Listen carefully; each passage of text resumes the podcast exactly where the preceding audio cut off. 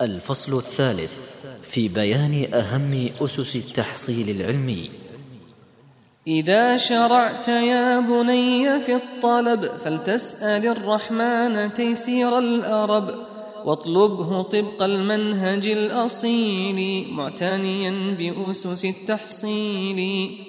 هذا الذي عليه أهل العلم في سائر العصور هذا الفهم.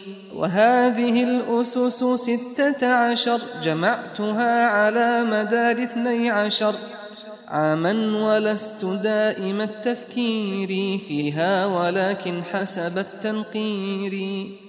في الكتب والحوار مع سؤال أشياخنا في سائر الأحوال. أولها الأخذ عن الشيوخ أهل التقى والسمت والرسوخ. وسائر الأسس تأتي تابعة أهمها حصر المتون النافعة. بنسخ ما لم تلفه مطبوعا من قبل أن ترويه مسموعا. والضبط ثم الحفظ فالسماع بذلكم يحصل الانتفاع. فهذه أربعة بالأول رباطها فاحذر رباط الكسل. واحرص على المنظوم فهو أسهل للحفظ من نثر ومنه أجمل. وهو لطلاب العلوم أنفع وللفوائد الحسان أجمع. من أجل هذا عول الأعلام عليه وانبرت له الأقلام. والسادس التقديم للوسائل فإنها المعراج للفضائل. فابدأ بعلم النحو والتصريف والأصلين والفصيح تحرز الأمل. مع البلاغة وأنواع الأدب لا سيما المختار من شعر العرب. وخض علوم الشرع بعد ذلك يذلل الله لك المسالك. والسابع المبادئ العشرية لكل علم ينفع البرية. وهي اسمه وحده ونسبته موضوعه واضعه ثمرته. كذلك استمداده فضائله وحكمه ختامها مسائله. وبعضهم ببعضها قد اكتفى. فادر الجميع إن أردت الشرفا والثامن الشروع في الشروح فإنها المرقاة للطموح. والشرح يؤخذ عن الشيخ كما في الأسس الخمسة الأولى فافهما. فالشيخ محور لكل الأسس فاختر من الشيوخ كل كيس. لكون ذي الأسس لا تحققوا. من دونهم فهم إليها أسبقوا. والتاسع التدوين للفوائد كذلك التقييد للشوارد. فدونا أحسن ما سمعتا ثم احفظا أحسن ما كتبتا وحدثا بأحسن المحفوظ لديك تلك قولة المحظوظ. أعني الإمام الشافعي ذا اللسن والمحتد الكريم والرأي الحسن والعاشر التكرار والمراجعة للحفظ والشرح مع المتابعة. وقدم الأهم وهو الحادي. فالعلم جم يا أخ الأمجاد. يتلوه وهو حتم التدرج. من حاد عنه للعلا لا يعرج.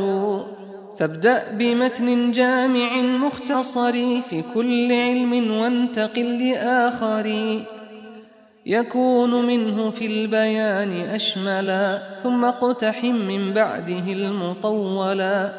وهاك من ألفية السند ما شيخ زبيد قاله فأحكما.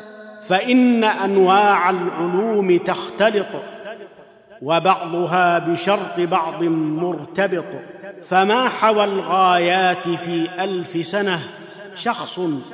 فخذ من كل فن أحسنه بحفظ متن جامع للراجح تحله على مفيد ناصح ثم مع الفرصة فابحث عنه حقق ودقق واستمد منه لكن ذاك باختلاف الفهم مختلف وباختلاف العلم فالمبتدي والفدم لا يطيق بحثا بعلم وجهه دقيق ومن يكن في فهمه بلاده فليصرف الوقت إلى العبادة أو غيرها من كل ذي ثواب ولو بحسن القصد في الأسباب.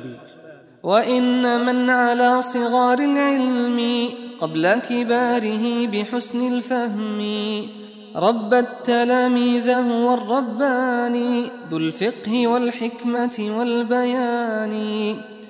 وفي كتاب العلم في البخاري علق والمعنى بفتح الباري. وثالث من بعد عشرة أتى. حسن سؤال واستماع يا فتى. هما الجناحان لكسب العلم وبهما فاصعد سماء الفهم. واطلبه مقرونا بخالص العمل لله ذي الجلال والإكرام جل.